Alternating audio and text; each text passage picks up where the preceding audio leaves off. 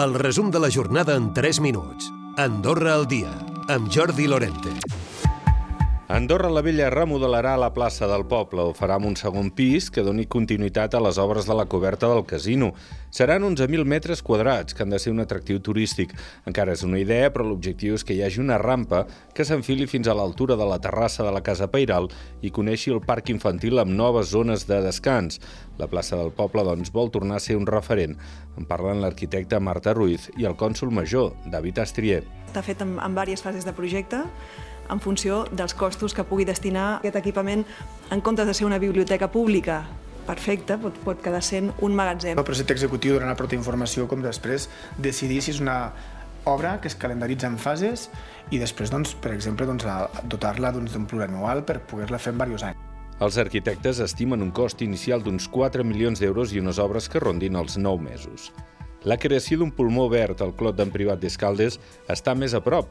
La Comissió Tècnica d'Urbanisme ha donat l'acord perquè el Comú modifiqui el pla d'urbanisme i els propietaris que vulguin edificar la zona hagin de cedir com a mínim la meitat de l'espai per crear una mena de parc central. Rosa Gili, cònsol major escaldenca. Hem abordat tot aquest procés dient que si anàvem de la mà dels propietaris o en tot cas amb que ells ho anessin ve, veient bé, doncs pensàvem que era molt més positiu per tothom, no? I per tant eh, s'ha intentat respectar-los els drets. Un rescat de muntanya per negligència molt clara podria costar l'implicat almenys 3.300 euros per mitja hora de servei dels bombers, o probablement més. El Ministeri d'Interior està elaborant un reglament que aclareix les tarifes de les intervencions del cos especial especialment en casos de negligència. El director dels bombers és Jordi Ferrer. O amb una senyalització d'un perillal de llaus, anar-te'n a fer una pala i que et baixi una llau. Quan has disposat de la informació de les senyalitzacions, dels avisos a través de, dels de mitjans públics i de les apps, etc. No? La societat Jocs S.A., impulsora del Casino Únic, posarà a la venda en un parell de setmanes el 10% de les seves accions, tal i com exigia el concurs del govern. El preu de venda serà de 1.000 euros. La societat preveu que l'emissió total es mogui entre els 7 i els 9 milions d'euros. El casino va obrir, recordem, aquest dissabte en ple de clients.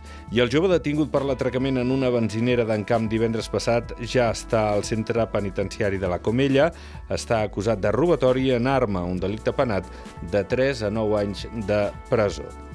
La duana continua ingressant menys per importacions que l'any passat. Els dos primers mesos s'han recaptat prop de 32 milions i mig.